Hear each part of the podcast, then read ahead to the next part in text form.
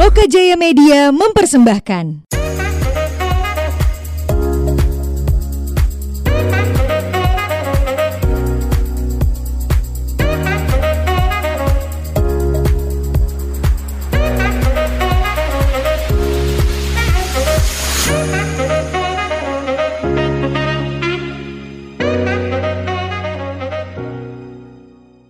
Welcome to Ngobrol di Podcast. This is your host Angga Baskara. Well, bintang tamu aku untuk episode kali ini adalah seorang fashion blogger, kemudian beauty blogger juga, seorang model, hmm, bisa dibilang fashion enthusiast juga ya. Iya. Uh-uh, dan terakhir katanya yang aku lihat di instastorynya dia ya, itu akan membuat sebuah gerai fashion sendiri. Bener nggak sih? Iya benar. Iya. iya benar. Kira-kira kapan mau launching nih? Eh, sekarang lagi proses produksi. Mm-mm. eh ya kalau lancar, amin ya kalau lancar itu akhir bulan depan. Akhir bulan Depan. Februari. Februari. Oh, oke deh Oke. kalau gitu please welcome our guest in this episode ada Ida Ayu Gita Saraswati aka Ita Chen. Hai, halo. Ini sebenarnya nama Ita Chen ini Hmm, dari mana sih? Kayaknya kamu orang ke berapa yang nanya ya? udah kayak udah umum banget ya pertanyaannya. iya, Tapi udah umum. karena kalau dilihat-lihat ini kayak jadi gimmick atau emang ada ada keturunan perpaduan keturunan asing gitu. Gak ada. Aku asli Bali. Asli Bali, Asli ah. Bali. Eh, Ita Chen itu Ita itu sebenarnya nama panggilan aku. Mm-mm. Ita dari kecil tuh kan Itanya dari Gitanya. Terus kalau Chen itu sebenarnya mulainya tuh dari SMA ya kalau nggak salah. Itu tuh panggilan teman-teman buat aku Chen Chen Chen itu karena ada kayak artis Taiwan gitu mirip aku katanya terus Chen gitu. Terus Katanya nih. katanya aku nggak tahu. Terus ya udah bilang aja gitu cepet Ita Chen.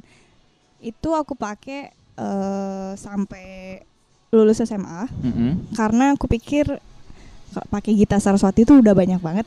Banyak banget kayaknya yang namanya begitu. Karena banyak kan dulu kan zaman Facebook segala macam tuh nulis nama begitu kan. Ternyata udah banyak yang pakai udah pakai nama panggilan aja Ita Chen gitu. Terus keterusan sampai kuliah terus sampai mulai ngeblok segala macam pakai itu terus pas mau aku ganti pakai nama asliku kayak nggak ada yang kenali jadi ya aku anggapnya kayak udah hoki name gitu loh kayak udah nama hoki aja udah pakai terus aja sampai sekarang Sampai sekarang akhirnya Ita Chen. ya udah kebiasaan orang dengernya Ita Chen gitu Jadi udah nggak Gita, maksudnya uh, tidak dengan Gita Saraswati. Ya, Gita Saraswati mungkin orang panggil itu di kampus aja kali ya kemarin. Aneh itu. juga ya kalau misalnya udah kebiasaan Iya. pakai Ita Chen terus tiba-tiba Gita, Gita. Iya iya aneh banget dengernya Pernah sebenarnya. nggak sih? Bener pernah. Kemarin aku sempat kerja juga kan, sempat Ah, ah. ngantor juga Ah, kan di lingkungan baru waktu fresh grade ngantor itu ya orang kan nggak tahu Itachen. Ya, orang panggilnya Gita Gita itu selama tiga bulan dipanggil Gita Gita kayak asing tadi gue.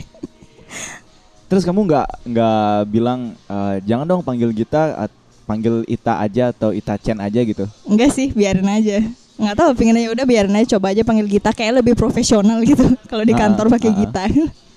Tapi akhirnya keterusan. Enggak sih.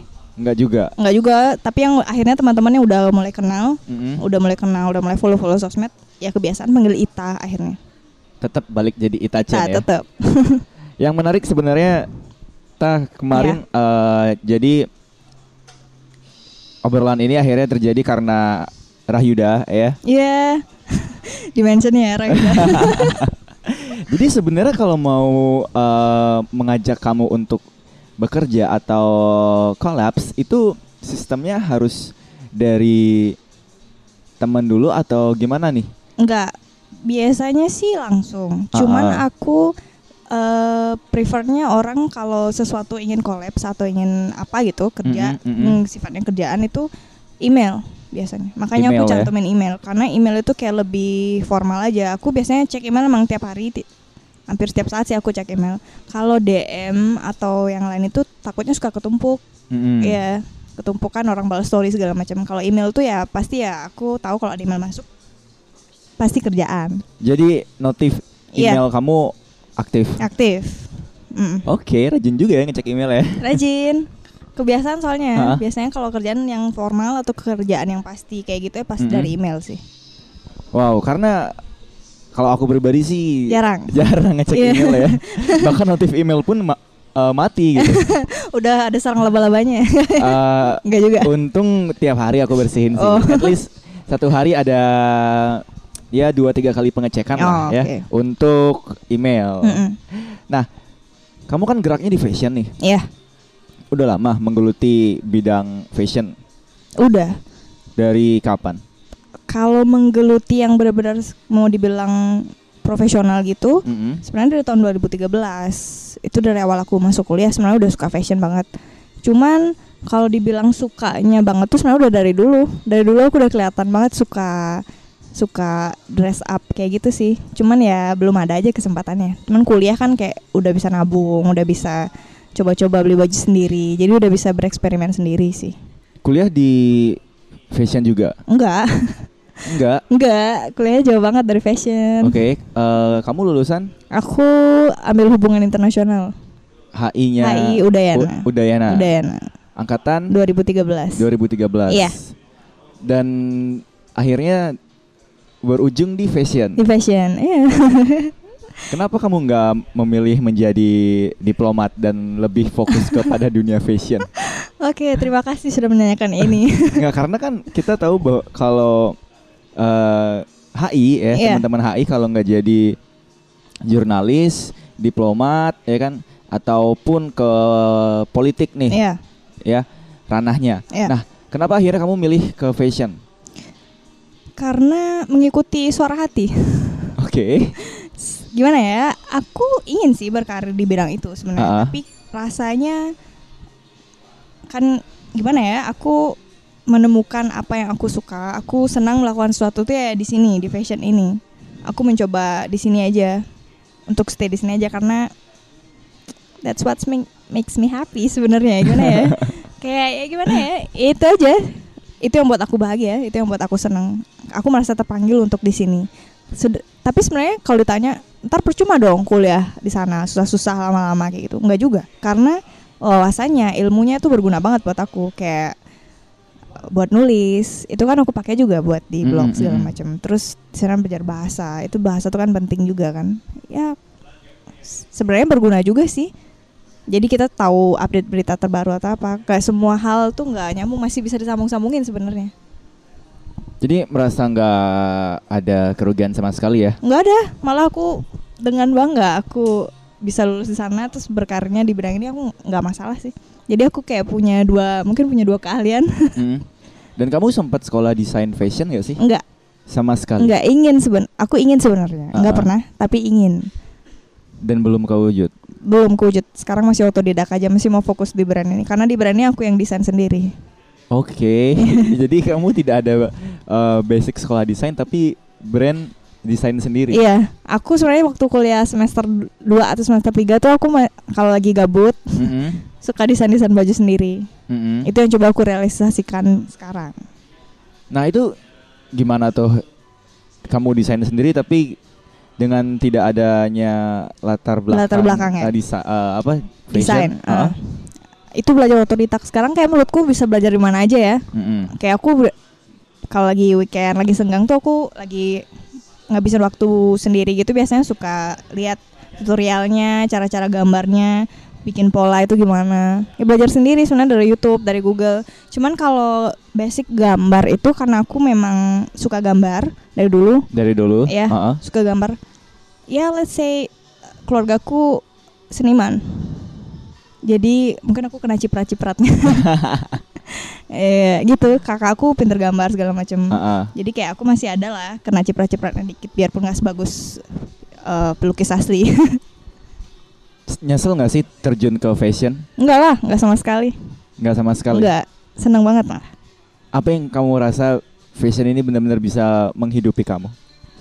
karena aku bisa mengekspresikan siapa aku Mm-mm. orang bisa kenal aku ya dari ini bisa menginspirasi orang juga kayak apa ya I live for fashion aku sebelum tidur mikirin fashion bangun tidur mikirin fashion ya sampai kayak gitu sesenang itu Tapi kan kamu main di vintage ya, Iya, vintage. dan nggak banyak kita tahu teman-teman di Bali setahu aku ya, Iya, yang juga bermain di vintage. vintage. Hmm. Kenapa sih harus vintage? Iya. Wah, kalau kamu tanya alasannya, Ah, ah. itu kayak bisa 10 episode. tapi Berarti penjelasannya panjang juga ya. panjang, tapi Bisa jadi storytelling nih. iya bisa kayaknya.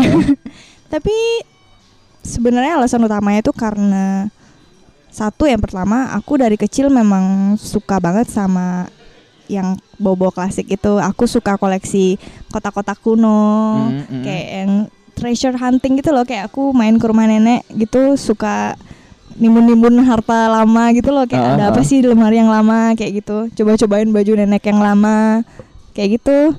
Terus eh, juga su- suka apa ya kayak nonton musik video, nonton film-film lama gitu loh. Tahu kan yang kayak Beatles, kayak kayak film-film zaman perang dunia itu nggak tahu ya. Suka aja dari dulu yang hitam putih gitu. Kayak ada ketertarikan sendiri aja. Oke, eh, let's say tahun 60 70-an lah ya, Eh, ke bawah. Aku spesifik 60 ke bawah. 60 ke bawah. Hmm. Kamu tua juga ya. Tua banget. tua banget tampilannya aja yang kecil gini. Ah, Tapi aslinya tua dalamnya. sampai musik juga mempengaruhi. Iyalah, iya. Aku awal bahkan kalau kamu tanya aku selera musikku mungkin yang masih satu selera sama kakekmu kayak. yang zaman 50 tahun 40-an band-band itu aku tahu. Oke. yang masih pakai jazz lengkap. Yang hitam berarti Tillman Brothers kamu mendengarkan. Iya lumayan sih, Ah, tapi ah. lebih kayak ke Beatles ya. Beatles. Yang lawas-lawas tuh yang kayak Frank Sinatra, Mm-mm. Everly Brothers. Apa ya banyak sih, banyak lah nggak bisa disebutin kayak banyak yang sejenis itu sih. Yang memang into sama kamu siapa? Kalau kita bicara musik. Musik ya. Ah. Aku sebenarnya nggak membatasi diriku untuk denger musik dari tahun berapa aja. Cuman sesuatu yang aku dengerin terus-terusan nggak bakal bosen itu ya memang musik tahun 50-an. Mm-mm. Sebenarnya Queen juga sih, Queen 70-an ya atau 80-an ya. Queen ya 7 Masuk, 80 masuk era ah, tahun itu sebenarnya aku suka. 70. Sebenarnya ya lah, sebenarnya lagi nih. Kalau untuk didengerin terus dan nggak bosen ya jelas musik klasik rock ya. ACDC, Queen itu. Oh, kamu dengar ACDC juga? Denger lah, denger, Kirain. denger, denger. Stop sampai di situ kayaknya. Kayak yang sampai klasik rock kan. Ah. Habis itu udah mulai pop ya. Udah nggak nggak nggak denger sih, tapi udah yang nggak into banget. Berarti dengerin eh, ini juga dong. Bon Jovi. Iyalah, Bon Iya. Jovi, Terus siapa lagi? Led eh, Zeppelin. Led Zeppelin. Oke, selera yang bagus juga. Ah ya, kamu tanya aku into apa gitu ya Ah, ah. musiknya? Pink Floyd. Pink Floyd. Pink Floyd. Wow. Dulu sampai case HP ku Pink Floyd semua. Pink Floyd semua. Album Pink Floyd paling favorit deh. Eh, kalau kamu bilangnya Dark Side of the Moon. Dark Side of the Moon, kayaknya udah Nggak, mainstream banget Udah sih. mainstream. Aku yang pertama. Yang Piper Gates itu yang yang masih ada Sid Barrett. Ah, ah, Aku yang pertama. yang pertama. Yang tetap aja yang kayak ngena banget yang pertama itu.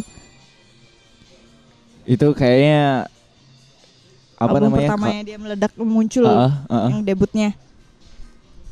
Nggak nyangka sih. ya. Nggak kebayang gitu. Ya, don't judge a book by its cover. Oke, sorry, sorry. Tapi serius, eh, dari dari kamu mendengarkan musik-musik yang kamu udah kamu sebutin tadi, itu berpengaruh besar nggak sih ke cara kamu memandang fashion sendiri? Iyalah, karena kita kan nonton musik video, nonton eh, konser-konsernya mereka. Aku kan Hmm, gitu ya hmm. sampai gitu. Aku ngeliat jadi kayak dari zaman yang 50-an itu kayak Frank Sinatra, Beatles, naik lagi Queen, naik eh, Pink Floyd segala macem eh kan mereka David Bowie juga. Karena aku ngeliat mereka ekspresif sekali ya dalam hal berpakaian. Jackson 5 enggak? Eh lumayan tapi nggak terlalu itu sih. Oke. ya aku lihat ya contoh kayak Pink Floyd. Pink Floyd oke lah. Dia fashion masih lah. Masih ada lah ciri khasnya segala Mm, macam mm, mm. ciri khas band zaman itu. Mm, mm. David Bowie misalnya. Dia kan fashion icon juga kan yang dia selalu nyantrik banget. Aku lihat iya aku lihat yang kayak itu tuh punya ciri khasnya sendiri jadinya. Ah, ah. Hmm, kayak gitu sih. Aku ngeliat fashion itu dari musik-musik zaman dulu Kalau Beatles yang turun-turun ke bawah, yang tahunnya turun ke bawah itu aku ngelihatnya ya itu vintage banget, rapi. Sebenarnya suka yang kayak gitu. Kalau kita bicara ciri khas, Mm-mm. ciri khas dari seorang Itachen apa sih? Jadi yang kes- emang emang jadi signature dari kamu. Itachen banget ya. Iya, yang benar-benar kalau vintage kan itu banyak ya. Iya. Benar-benar banyak banget. bilang Nah, kalau dipilah menjadi vintage ala seorang Ita. Ita seperti apa sih? Kalau orang sih nggak tahu ya, aku nggak mau ngejudge diriku, tapi yang Ya, orang masa ngejas diri sendiri Iya sih gimana? Maksudnya orang nilai aku gitu. Kalau nggak kita siapa lagi yang mengangkat diri sendiri gitu? Iya juga sih. Ah, vintage orang taunya Itachen. Oh, yang vintage itu ya pasti biasanya gitu kan. Tapi biasanya dulu sih aku punya signature topiku. Enggak enggak di gitu aku selalu pakai topi. Topi oh ya yang yang, jerami itu yang bulat itu. yang bulat itu ya. Ah, ah, Ah. eh, boater hat ya. Cuman belakangan kayak udah mulai pingin sesuatu yang baru aja kayak kayak udah banyak yang pakai nggak tahu ya maaf ya aku kadang nggak terlalu suka kalau orang udah banyak pakai Mm-mm. aku pingin selalu punya yang beda sendiri eksklusif. iya eksklusif itu aku yang punya aku Sombong mau banget ya. sombong banget ya tapi nggak tahu ya ada kan orang aman wih udah banyak yang pakai aku juga pakai gitu ah, tapi ah, kalau aku ah. udah pakai banyak orang pakai cari lagi yang baru cari inovasi lagi yang baru aku Mm-mm. mikir gitu sih Nah, kira-kira 2020 akan seperti apa nih? Karena kemarin 2019 full topi, Ya. kan? Mm. Udah bener eh, topi ini kayaknya udah udah identik banget sama Kita. kamu gitu. nah, kira-kira 20, eh, 2020 fashion item apa lagi yang akan kamu coba untuk up? Oke. Kalau aku 2020 sebenarnya udah mulai dari akhir 2019. Mm-mm. Aku pakai sesuatu yang warna neutral aja. Aku lagi seneng banget pakai yang hitam putih sama warna nude krem itu loh warna beige. Aku Mhm. lagi seneng kayak makanya belakangan VTG ku warna-warna gitu-gitu doang. Aku lagi seneng pakai warna itu karena nggak tahu ya, makin tua ya. makin tua dulu Melekatkan image sih. iya melekatkan image. Aku lebih seneng pakai sesuatu yang minimalis sekarang yang warnanya polos-polos aja. Mm-mm. Kalau dulu mungkin kamu lihat fit ke bawah, aku colorful banget, yang warna-warni segala macam tabrak warna. Cuman aku sekarang udah nggak lagi. Lagi senang aja. Pingin aja mengikuti suara hati. Aku lagi senang pakai yang minimalis warnanya yang warna netral, warna basic. Berarti itu eh, termasuk membentuk brand image kamu sendiri dong, Iya, secara tidak langsung. iya. Coklat, aku suka coklat sih. Warna Dan coklat. kamu nggak takut kehilangan eh, klien-klien? Enggak dong. Enggak, justru aku senang ketika ada klien yang datang sesuai dengan aku. Mm-mm. kan kayak kita shaping image juga jadinya. Oh, brand juga bisa lihat oh si Ita misalnya eh sekarang lagi into warna-warna netral. Mereka mungkin akan menawarkan aku sesuatu yang netral juga, warna netral juga. Ya mungkin mereka suruh aku pakai colorful. Kalau kayak mungkin aja, tapi tergantung aku yang mau atau enggak kayak gitu sih. Kamunya mau ka- eh, mau nggak kalau memang ambil colorful nih? Colorful buat kerjaan kayak jadi model kayak kemarin misalnya photoshoot, it's okay. Tapi kalau untuk brand imageku sendiri, aku nggak into colorful lagi. Aku nggak No ya. No. Udah nggak ada colorful. Nggak, nggak sih. Lagi nggak pingin aja. Kayak 2020 ini aku fokus warna-warna seperti itu. Kalau- palette-nya seperti itu. Oke, yang emang mulai membentuk ini juga ya, eh, jati diri juga. Iya sih. jati diri Ah. juga sih. Karena juga vintage kan sebenarnya warna-warnanya netral juga. Hmm, benar-benar. Kayak coklat, hitam, putih kayak gitu doang kan. Polosan ya. Polosan, iya. Cuman kalau yang colorful ada itu retro yang zaman 50-an.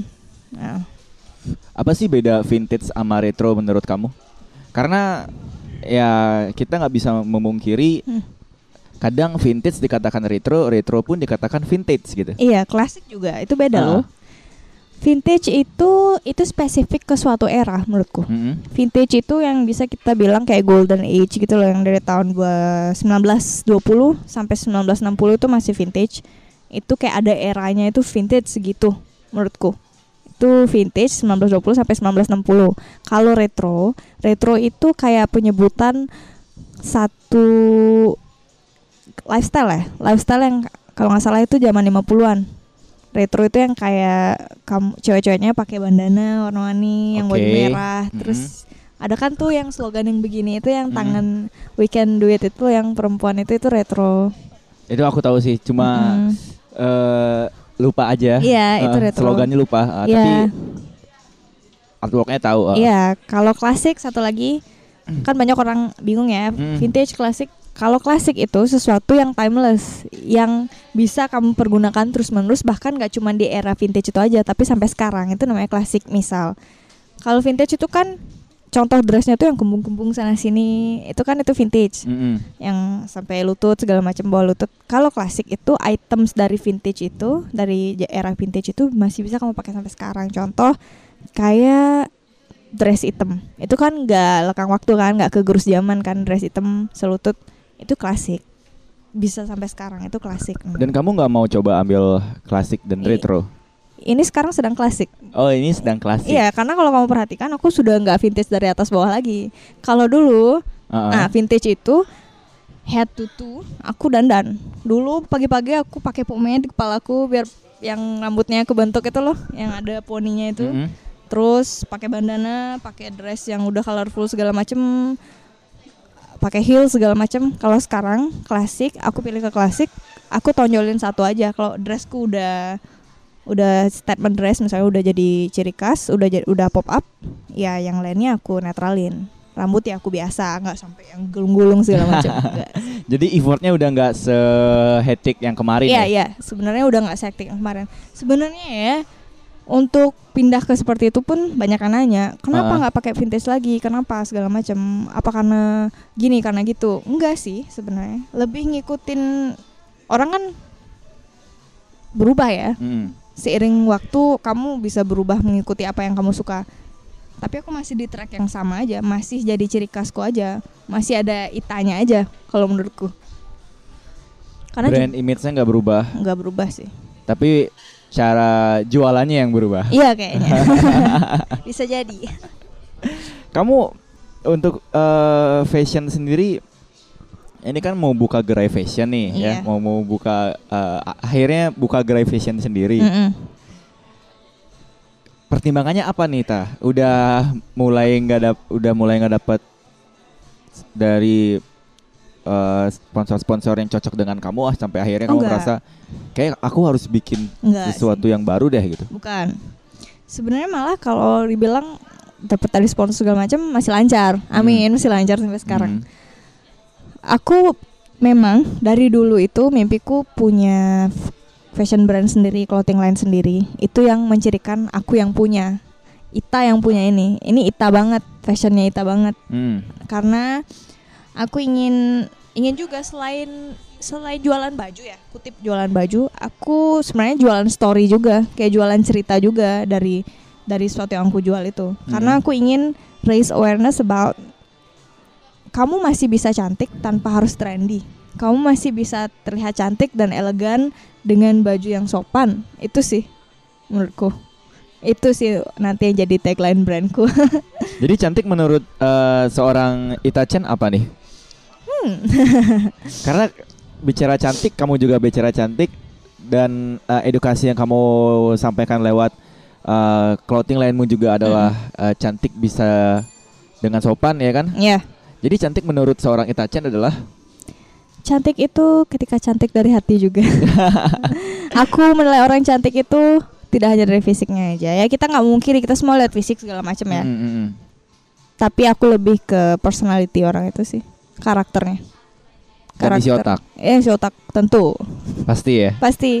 Aku bisa melihat orang itu dua kali lipat lebih cantik ketika aku sudah ngobrol dengan dia. Oh, Oke, berarti ketika nanti teman-teman dengerin obrolan ini Nah, dan mendengarkan kamu berkata seperti ini, berarti kamu akan terlihat dua atau sampai tiga kali lebih cantik karena Oh, obrolan enggak. ini berbobot. aduh, amin. Dapat nggak sih jualannya? menarik menarik. Iya. Nah, kalau kita bicara akhir dari fashion Iya. menjadi seorang model ya, dan terus jadi eh kerjaanmu kayak banyak ya. Fashion blogger iya, terus eh, beauty blogger oke beauty blogger. oke. Ini masih relate kan sebenarnya? Relate. Cuman aku nggak jujur ya. Ha-ha. Aku nggak yang into beauty banget sebenarnya. Aku kalau kamu tanya lebih paham fashion atau beauty, aku lebih paham fashion. Beauty ini aku lagi emang seneng pakai makeup itu kan pasti ya itu udah paket komplit ya kamu dandan Mm. pakai makeup. Mm. beauty aku tahu tahu mungkin permukaannya tapi aku nggak bisa yang kalau beauty blogger atau beauty vlogger lah ya sekarang kan banyak kan beauty vlogger ke video ya aku nggak bisa makeup yang medok medok yang yang ya wah pop up gitu nggak aku ya makeup Ya KKI lah ya. Gak apa-apa. aku nggak bisa makeup gitu Oh nggak bisa, Nggak nggak bisa, bisa. nggak bisa kayak KKI maksudnya. nggak bisa Kamu nggak mau coba pakai balon gitu? yang ditiup nanti ukurannya segede ini terus terus di pakai beauty blender ya enggak lah yang aman-aman aja nggak mau bikin eksperimen tentang uh, fashion atau beauty blogger. oh mungkin nanti di eh, lengan bajuku masukin balon gitu ya Iya kan biar, kembung. terus Jadi dress yang kembung tapi eh, uh, kembungnya karena balon, balon ya. terus bawahnya tuh masukin kandang ayam itu yang mau kembung Tapi asli kamu nggak nggak mau menciptakan sebuah fashion style yang memang dari kamu sendiri nih idenya. eh aku menurutku yang vintage ini udah sih. Karena vintage itu kan banyak. Mm-mm. orang bisa memandang vintage pakai vintage itu beda-beda loh interpretasinya. Karena coba kamu stylish eh, styling vintage sekarang. Aku mikir gitu ya. Contoh kita kasih example. Orang suruh pilih satu kasih dia deretan pilihan baju terus suruh styling vintage bisa beda hasilnya sama aku. Itu kayak udah nunjukin kan ak- vintage-nya aku gimana vintage orang lain yang gimana. Beda lagi. Menurutku sih gitu. Ada lagi nggak sih kira-kira yang emang menjadi uh, fashion item andalannya Ita nih? Hmm, aku- Kalau de kita Iya. lihat dari head to toe ya, Iya. yang Ber- emang ketika kamu keluar, Mm. terus orang lihat, wah ini pasti Ita nih. Ya dulu sih topi. Ah, ah. Sempat ada yang notice bilang dari jauh kalau ada event apa, itu pasti Ita dari belakang kelihatan topinya kayak gitu. Mm-mm. Tapi kalau aku sih menurutku selain topi, kalau kamu nge, aku selalu pakai baju yang selutut atau di bawah lutut. Baju yang Selutut atau di bawah lutut. oke, Dress, rok, dress. ah, ah. aku selalu pakai itu. Pasti yang di bawah lutut. Berarti kamu nggak pernah pakai kaos dong? pakai K- misal kayak gini ini rok terus eh, rok rok selutut terus atasnya kaos itu kan fitnya juga Oke, kaos band nggak sih? ya Kaos band nggak sih? Ada di rumah Pink Floyd kadang aku pakai juga sih. Ah. Tapi yang sekarang uh, yang paling sering digunakan adalah dress. dress sih. Ka- oh ya satu lagi. Yang jadi eh, trademarknya aku. Aku nggak pernah pakai celana. Aku pakai celana bisa dihitung jari. Coba lihat fitku ah iya iya iya iya. Jadi emang udah ke ini banget ya, ke bentuk banget nih. iya kayaknya kayaknya ya orang-orang mikir tak kamu kayak udah into vintage banget ya kayak nggak pernah pakai celana nggak tahu ya karena nggak suka pakai pakai celananya nggak suka aja lihat diri pakai celana Mm, Gak Sebenarnya. nyaman. nggak nyaman Tapi untuk kebutuhan kerjaan, harus duit kadang-kadang 10 juta ditolak nggak kira-kira? pertanyaan sulit nggak lah pakai lah aku masih pakai Heeh. masih pakai cuman yang nggak yang kalau disuruh milih kayak gini misal keluar ketemu temen ya aku pakai rok lah. Tapi kalau kerja kayak kemarin ngantor kan mau nggak mau pakai celana lah. Kemarin juga photoshoot katalog segala macem kan pasti mereka punya produk celana segala macam nggak semua Hmm. dress. Pakai lah aku. Tapi itu jadi tantangan gimana caranya membuat celana itu terlihat nyaman aku pakai. Jadi tantangannya sebenarnya ke diri kamu sendiri ya, bukan Iya, bukan, bukan. tantangan terlihat bagus untuk orang lain tapi Iya. Nyaman nggak sih sama produknya gitu? Iya, karena itu yang mau aku tekanin. I dress to express, bukan untuk impress orang lain. Karena itu salah satu faktor penting buat yang suka fashion, mau bereksperimen di fashion. Sebenarnya yang awal mula itu kamu berpakaian itu ya untuk dirimu sendiri, untuk Betul, mengekspresikan betul, dirimu ah. sendiri, bukan untuk impress orang lain. Ketika kamu pakai pakaian, aduh ntar aku dibilang ini, dibilang itu, udah nggak jalan lah itu. Ntar keburu takut takut pakai semuanya, ntar keburu takut dijudge. Benar sih, kayak aku Pede aja. Iya kayak aku pribadi aku nggak eh, nggak ini ya nggak nyaman ketika menggunakan kaos berwarna cerah Mm-mm. yang emang kayak hijau stabilo terus Iya. kuning kuning stabilo Iya, ya kan iya. bahkan meng- menggunakan warna merah pun kadang aku masih nggak Iya, pede Iya, gitu I know. ya kalau warna hijau kan itu agak norak banget ya ya nggak hijau hijau stabilo banget sih Iya, iya, iya.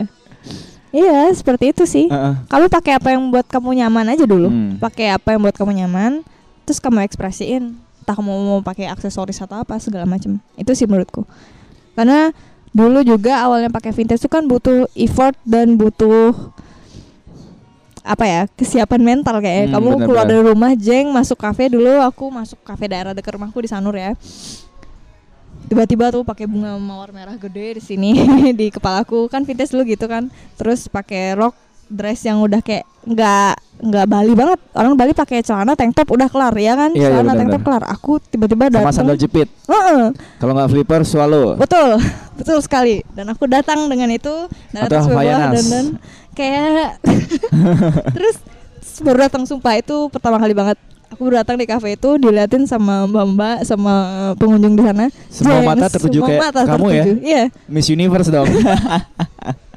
tapi bodoh amat karena aku suka malah Heeh. baru tanya kamu pernah malu nggak enggak aku justru kurang pede kalau disuruh pakai apa yang nggak aku suka Jadi kamu proud sama apa pun yang kamu Ya. gunakan selama itu memang masih di comfort zone-mu. ya betul Pernah nggak selain untuk kerjaan Mm-mm. dan kamu harus terpaksa banget menggunakan eh, Items yang yang- yang uh. bukan comfort zone-mu kayak Iya. "Ah, anjing nih harus banget nih pakai gini nih gitu. sering belakangan Heeh, karena sering tuntutan pekerjaan aku kan harus profesional Mm-mm. karena aku sudah menyetujui untuk itu aku sudah deal untuk itu ya aku harus profesional dong nggak bisa aku aku nggak suka pakai ini nggak mau pakai ini aku nggak gitu. Aku pasti pakai.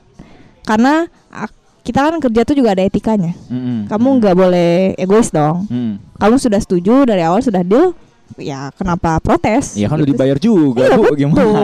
betul juga. Karena belakangan juga itu juga pilihan. Kalau aku nggak mau ya dari awal aja nggak usah deal. Tapi aku belakangan lagi pengen coba sesuatu yang baru aja kita kan kadang juga hidup sekali aku mikir gitu kenapa nggak try something new? Tapi aku tetap tetap di zona aku tetap di akunya tetap di Mm-mm. ciri khas aku. Aku hanya mencoba sesuatu yang baru. Ingin tahu apakah aku bisa. Ternyata ya begitu. Pengalaman paling tai kalau misalnya iya yang paling yang paling bangsat yang paling jelek ketika kamu udah terjun di bidang ini Mm. yang wah ini anak bukan anak fashion tapi eh, tapi tampilannya sosokan vintage atau eh, obrolannya udah tinggi banget nih padahal bukan anak fashion. Ah nih gimana sih? Siapa sih Itace nih? Anak mana sih gitu. Pernah nggak yang sampai tai-tai banget gitu? Aku nggak tahu di depan sih belum pernah. Belum ada? Belum pernah dengar Ah, ah. di depan belum pernah dengar tapi di belakang nggak tahu ya terserah. I don't care.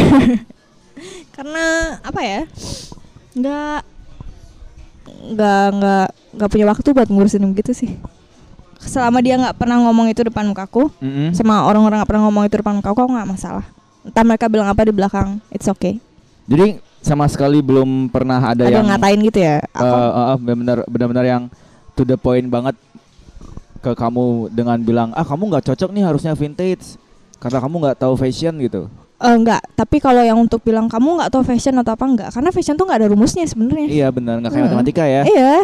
Itu fashion itu balik seni kan? Mm-mm, Seni itu tidak semua orang bisa melihat dari perspektif yang sama. mm-mm, Iya kan? Iya, tapi kalau untuk bilang kamu nggak tahu fashion, apaan sih yang kamu pakai? Kayak gitu nggak pernah. Tapi kalau sekali. nggak pernah, tapi dulu pernah orang terdekatku, ya dulu pernah menjadi orang terdekat yang bilang Flashback. flashback. Maaf ya jadi curcol. Nggak apa-apa, nggak apa-apa santai Pernah aja. sih di awal. Ah, ah. itu lumayan keinget sih ketika dia bilang kamu jangan terlalu pakai vintage banget lah gitu dia bilang di sini mungkin kesannya aneh segala macam mungkin nggak semua orang bisa menerima itu jangan terlalu vintage banget lah di sini kayak gitu kayak ya boleh sih vintage buat foto doang tapi kalau lagi jalan-jalan nggak usah lah terlalu vintage kayak gitu tapi aku kekeh. Aku bilang ini ya kamu tunggu aja. Aku bisa tunjukin aku bisa sukses di bidang ini. Aku bilang gitu. Tunggu aja aku bilang gitu. Aku bisa spread apa ya kayak bisa aku percaya aja aku orang akan kenal aku karena ini. Aku pikir Mm, gitu. Finally akhirnya kejadian. Iya belum terkenal banget sih. Ya tapi orang sudah tahu eh, yang Hmm. ngebedain aku apa sama yang lain Oke. Berarti kamu ini ya eh, nggak nggak tahu atau bahkan tidak peduli kalau orang secara langsung membuli kamu di bidang ini. Enggak. Enggak karena aku tidak pernah merugikan orang lain di Mm-mm. sini. Aku melakukan sesuatu yang aku suka. Aku tidak merugikan diri sendiri, diri sendiri, tidak merugikan orang lain. Aku nggak pernah kayak bikin orang lain merasa tidak nyaman dengan Mm-mm. karena gini ya, kasarnya ya.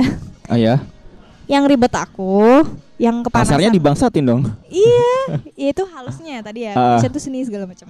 Kasarnya, yang ribet aku, yang kepanasan aku, yang kelihatan aneh aku, ngapa lu yang ribet gitu terus? Iya benar sih benar sih. Ngapa ngapain orang lain yang ribet ya? Aku yang kepanasan, aku yang dilihat aneh. Bodoh amat. Manusia namanya. ya. Iya. Tapi kamu pernah dibully nggak sih? Pernah dong. Kok bangga ya?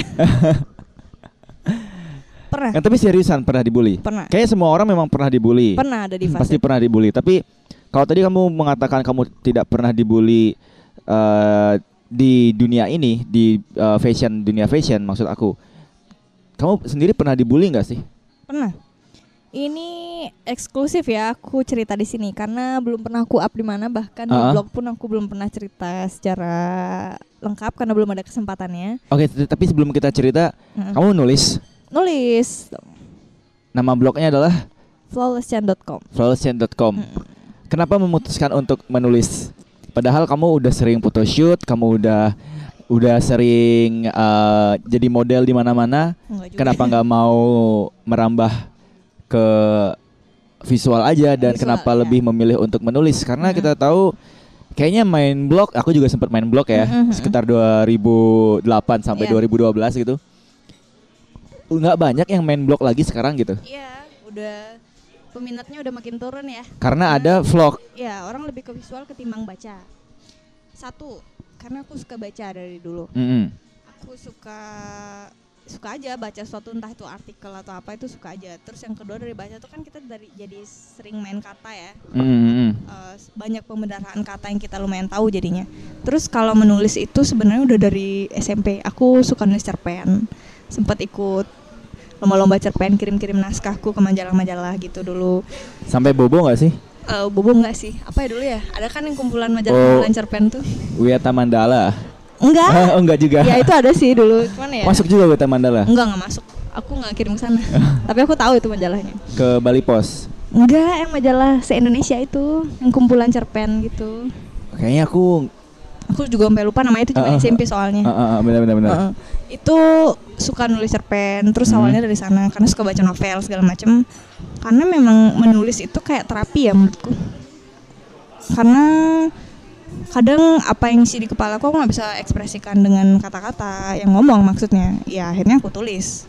Meskipun nggak semua aku publikasikan, buat aku aja. Tulis, terusnya udah lebih plong, tutup laptop udah kelar. Tapi kalau di- ditanya kenapa menulis, kenapa lebih bi- memilih blog ketimbang visual? Karena saya memang suka menulis. Karena orang kenal aku harusnya awal kalau mereka ngikutin aku dari awal pasti kenal dari blog bukan dari Instagram. Harusnya dari blog ya, Iya, aku ingin dikenal dari blogku sebenarnya. bukan dari media sosial dulu. Iya.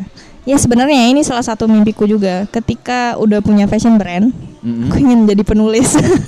aku pengen nulis buku. Serius, ini serius mau nulis buku. Serius lah, tapi ya semoga ada kesempatannya aja. Kira-kira kalau kamu nulis buku nih ya, Ya, kamu mau nulis buku tentang apa sih tah? ada dua kategorinya sebenarnya yang Ah. aku sedang mungkin sangat sangat senang aku tulis.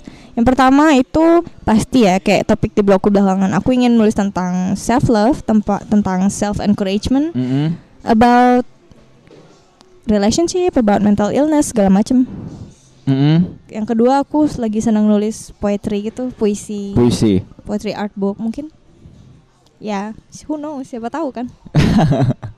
Tapi di antara dua ini yang emang udah ke kewujud di Blog. blog kamu yang mana? Dua-duanya udah pernah aku tulis. Dua-dua udah pernah kamu tulis. Cuman kayak ideku yang kayaknya ya, aku lebih ngalir kalau nulis yang itu yang pertama tentang self love, tentang relationship, tentang mental illness segala macam. Aku lebih ngalir nulis itu. Karena kamu merasakan langsung, Iya. termasuk dibully. Iya. Jadi bully seperti apa yang kayak yang udah kamu alami sampai benar-benar mau kamu share gitu ke Iya. dunia ke sosial. Ya. Bully fisik dan psikis, keduanya aku alamin. Mm-mm. Itu waktu kejadiannya sebenarnya waktu masih SD. Mungkin teman-teman SD ku yang denger ini kalian akan teringat. Mau kasih tahu SD di mana nggak? Enggak ada. Enggak usah lah. Tapi kalian pasti tahu di mana yang yang kenal. Ini daerah mana? Daerah mana nih? Sanur. Sanur. Iya. Eh banyak ya SD di Sanur. banyak ya? banyak. Nggak usah disebut lah. Tapi aku mengalami itu di kelas 5 mau ke kelas 6 SD. Itu nggak tahu ya masalahnya masalahnya apa ya masalah anak SD. Cuman intinya aku gak punya teman sama sekali dulu. Serius? Serius sana satu orang ini yang si pembuli ini eh kayak dia punya power gitu lah zaman SD anak SD duh nggak paham. Oh, orang yang berpengaruh ya. Iya, dia punya Untuk anak-anak SD. untuk anak-anak SD. Mungkin dia banyak nonton sinetron juga zaman Ah. itu. Jadi dia suruh sampai ke adik-adik kelas juga nggak ngajak main aku. Oke. Bener-bener sendirian. Terus Bangsat juga ya. Bangsat.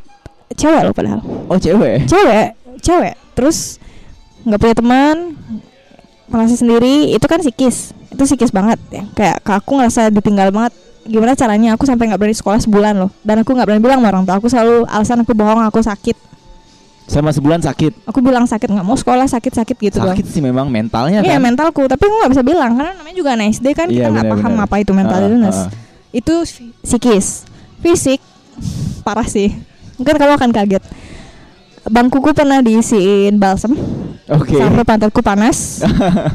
Terus eh, pernah diisi pewarna makanan, jadi rokku warna-warni, kesumbul ya namanya ya kalau Ah. di Bali ya. Ah, Terus eh buku PR ku disembunyiin di atas lemari. Kuartal waktu itu harus kumpul PR. Aku nemuin buku PR itu setelah aku lulus. Lagi bersih-bersih kelas. Sampai aku dimarah guru segala macam. Oke. Terus aku dulu sekolah naik sepeda kan waktu Mhm. SD. Ban sepeda aku digembosin. Sampai aku harus nenteng sepeda pulang. Yang paling parah itu menurutku yang terjahat banget sih. Tapi untung aku ngeh. Minumanku diisi obat pencuci perut. Minumanmu Diisi obat pencuci perut. di oke eh, Milanta atau apalah ya. Enggak, yang benar-benar nggak tahu itu apa ya, putih-putih segala macam. Tapi ini bukan ini kan? nggak tahu aku ya, enggak sih. Atau eh, pil anjing gila? enggak. Enggak karena zaman SD pil anjing gila banyak banget cuy. Oh iya. Iya. Hmm, Nggak tahu juga ya. Udah banyak beredar. Itu kayak setelah aku lulus baru ada yang bilang sama aku. Itu apa ya sih sebenarnya putih-putih aku bilang gitu kan yang di minumanku terus aku nggak mau minum. Aku bilang gitu terus yang lain bilang itu sebenarnya obat pencuci perut. Astaga, beli di mana? Beli di apotek. Untung bukan boti. Iya. Parah itu. Heeh. yang sampai gimana aku belum berani sekolah. Jadi Iya, kayak benar-benar. aku setelah dari sana kayak bener-bener yang jadi diem aku nggak percayaan sama orang. Aku takut orang kan sejahat itu lagi sama aku. Aku takut banget bersosialisasi. Itu salah satu tantangan terbesarku ketika terjun di dunia ini karena aku ngelihat orang-orang kayak ekspresif banget ya bisa ketemu orang terus langsung yang ini aku ngomong sama kamu face to face enak aku memang orangnya ketika ngobrol berdua keluar semua tapi Hmm. ketika sudah lebih dari tiga orang aku diem Oke. kayak bateraiku seret langsung gitu Langsung drop ya. Mm-mm. Jadi mungkin emang di setnya ngobrol berdua sih. iya kayaknya aku lebih lebih menghargai deep conversation Mm. ketimbang yang small talk eh panas ya besok apa ya gosip sini gosip situ nggak nggak mau wasting time aku seneng ketika orang mau ngajak aku explore Mm-mm. yang lebih dalam lagi Kamu pernah mikirin gak sih kenapa mereka melakukan hal-hal tersebut? Maksudnya sampai ngerjain kamu abis-abisan gitu.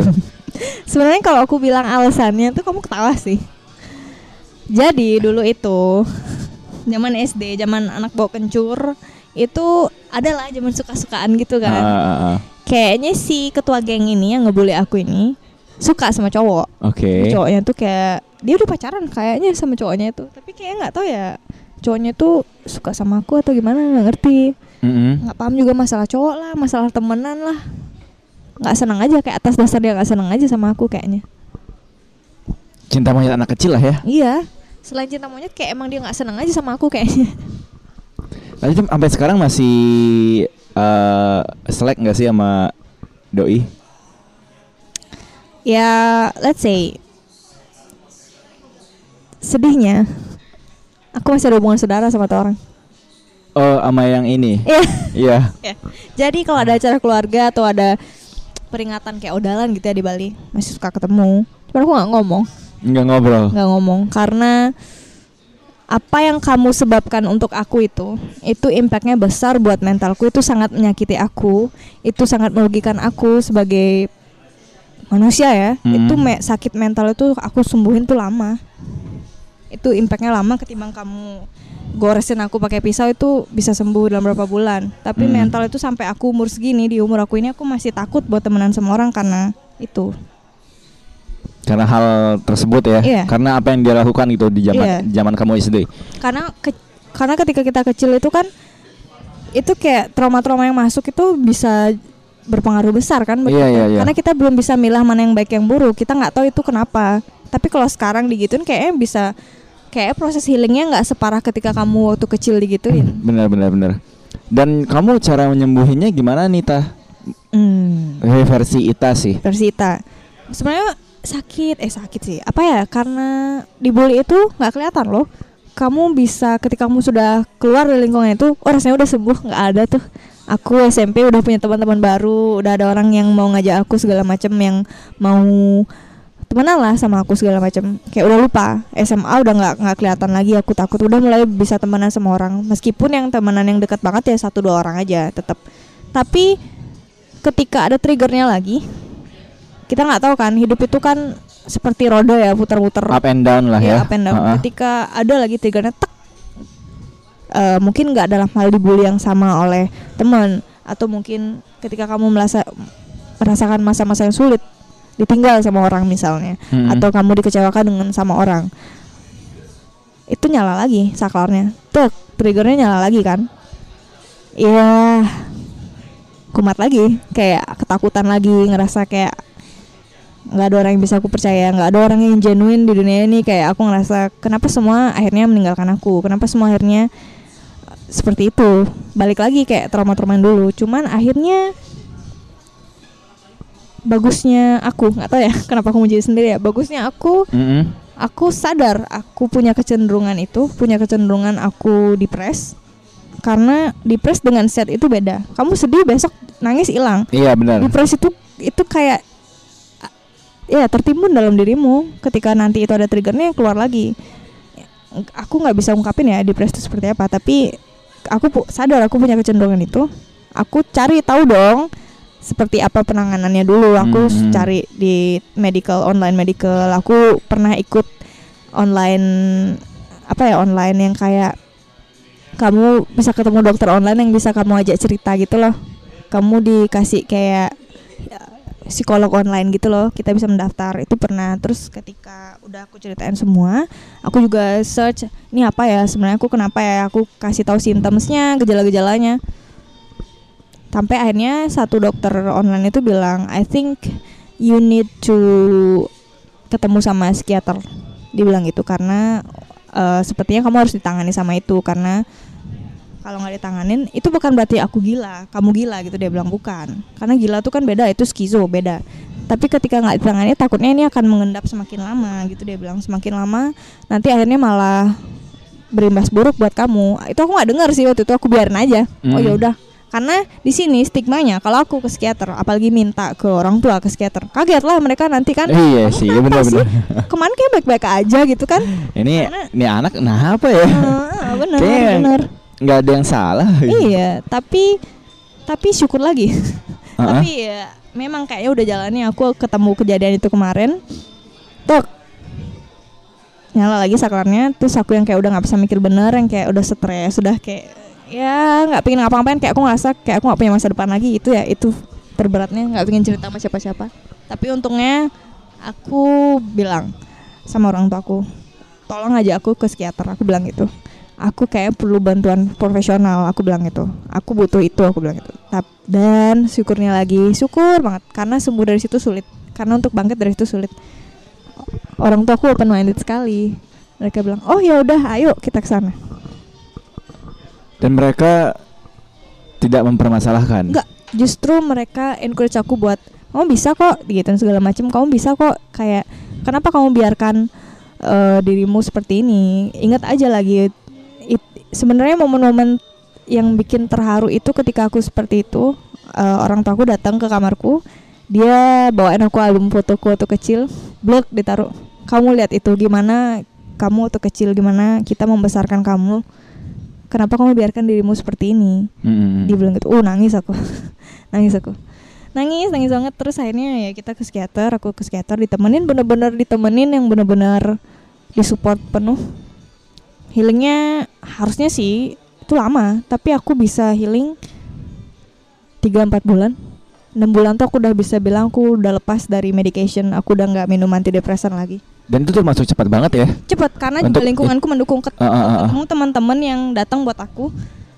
Biasanya kan aku dulu jahat sih. Lagi lah ya lagi sehat-sehatnya aku kadang jarang ketemu teman. Tapi ketika aku sakit seperti itu ada satu teman satu dua teman yang menawarkan diri kamu bisa cerita sama aku sampai kamu bosen kamu ceritain yang sama. Kita kan kalau depres ya ceritanya gitu-gitu doang kan. Dia nggak bosan dengerin nggak bosan ya, ya segala macam sampai aku capek sendiri terus ngajak aku keluar jalan-jalan. Syukurnya dikasih lingkungan yang baik. Karena untuk yang seperti itu kasus depres dan mental illness itu harusnya lingkungan nomor satu sih.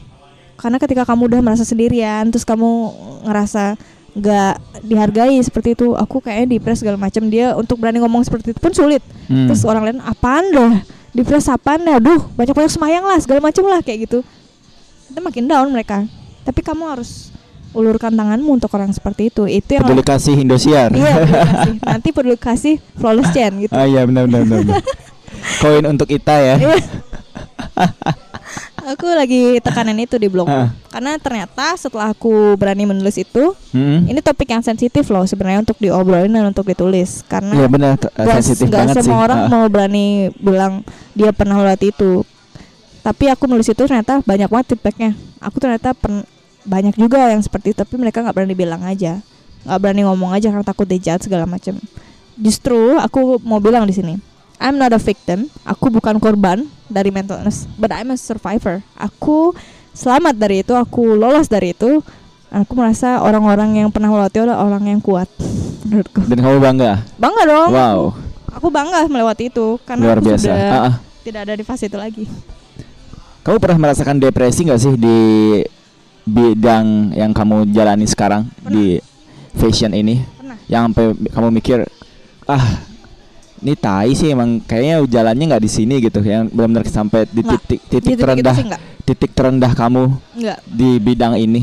enggak sih kayak enggak bakal ini enggak sih yang Mm-mm. kamu bilang tuh kayak enggak bakal jalan berani enggak tapi di press lebih ke lingkungan sosialnya karena aku melihat ya anggaplah blogger, influencer segala macam sekarang udah nyampur tuh jadi satu mereka itu aku lihat sangat-sangat supel, sangat-sangat bisa ber- berbaur dengan orang lain. Itu kayak aku masih harus belajar sampai sekarang. Ketemu orang baru tuh kan aku kayak latah kaget gitu loh. Mm-mm. Gimana aku memposisikan diriku untuk bertemu dengan banyak orang itu sih sebenarnya Lebih fleksibel lebih fleksibel. Itu aja yang aku lagi sedang revisi saat ini. dan lebih supel. Ya, Jadi. Ita Ita sebenarnya tidak supel. supel. Ya gini ya, aku pernah tulis. Aku- orang sering sering slack kalau ngira aku itu ekstrovert, ngira ngira aku super super terbuka karena Ah. aku juga lumayan terbuka tentang personalku, aku tulis segala macam. But jauh di dalam hati, aku orang yang sangat-sangat private. Aku orang yang sangat-sangat tertutup. Kalau kamu nggak nanya, aku nggak bakal jawab. Itu aku sebenarnya. Mm. Cuman ketika aku bekerja, aku menjadi model kemarin, ketemu banyak orang, ketemu banyak klien, mau nggak mau aku harus harus mm, beradaptasi ya kesannya, Mm, iya betul. namanya beradaptasi. Aku harus profesional di bidang itu. Aku bukan introvert yang diam aja diam terus nggak ngomong nggak. Aku bisa ngomong, tapi aku butuh recharge yang berbeda aja. Ketika aku sudah bertemu dengan orang, sampai rumah kasih aku waktu sendiri, sendiri sama duniaku itu aja sih. Introvert yang bisa memposisikan Ter- dirinya. terbalut di dunia ekstrovert ya. Ya, ju- eh, like gadis introvert tapi berkecimpung dunia ekstrovert. So nggak kerasa ini udah udah mau satu jam. Wah, nggak kerasa. Eh, kasih advice dong buat teman-teman Yang ingin yang mau berkarya di bidang fashion ataupun yang mungkin belum bisa keluar dari anxiety dan toxic-toxic mereka yang yang yang memang mungkin mengalami hal yang sama dengan apa yang kamu Oke. alami. Oke, yang pertama ya, untuk fashion. Saran pertamaku, you can be anything you want. Kamu Mhm. bisa jadi apa pun, kamu bisa pakai baju apa pun, kamu bisa berekspresi seperti apa pun, pakai aja menurutku. Selama itu yang membuat kamu bahagia, kamu tidak merugikan orang lain, pakai aja. Yang pertama kuncinya itu cuman pede. Dan yang terpenting go menurutku ya, temukan apa yang jadi ciri khas kamu sendiri itu dulu sih. Apa yang buat kamu nyaman? Kalau kamu ciri khasnya suka pakai celana jeans belels, celana jeans belel, pakai aja. Pakai aja terus ntar orang kenal kamu, oh si ini yang pakai jeans belel, suka pakai jeans belel itu ya, Hmm. kayak gitu. Kayak kamu terserah kamu bisa diet untuk biar kelihatan bagus pakai baju apa pun, kamu mau nggak diet itu terserah kamu, itu you can be anything you want kayak mauku. Ya pede aja dulu itu aja sih menurutku yang pertama terus untuk yang ingin keluar dari lingkungan toksik kamu itu bisa bisa Ah. keluar dari sana aku yakin you're stronger than you know menurutku. Hanya saja gimana apa ya namanya ya yang dari dalam diri gitu loh kayak niat niatnya. Kadang ada orang kan yang udah terlanjur tok diam di lingkungan toksik aduh kayak udah nggak bisa keluar mau gimana lagi? Enggak kalau kamu emang mau keluar ya keluar. Kamu harus set boundaries yang jelas kamu harus punya boundaries yang jelas. Orang yang punya strong boundaries yang jelas akan kelihatan dari karakternya dari cara dia membawa dirinya sendiri ketika kamu udah nggak mau ada di posisi itu ya all out 100% kamu keluar dari situ ntar kamu akan di, didekati dengan lingkungan yang baik juga menurutku sih begitu sih Pilihannya adalah uh, mau keluar atau enggak Iya, take it or leave it. iya betul Oke, terima kasih. Thank you very much terima ya. kasih juga Kita udah ngobrol-ngobrol di ngobrol di podcast. Episode ini bisa kamu dengarkan di Spotify dan juga di Anchor. So, Angga Baskara pamit. Itachen Itachen juga pamit. pamit ya. ya Ketemu di next episode. Bye bye. bye bye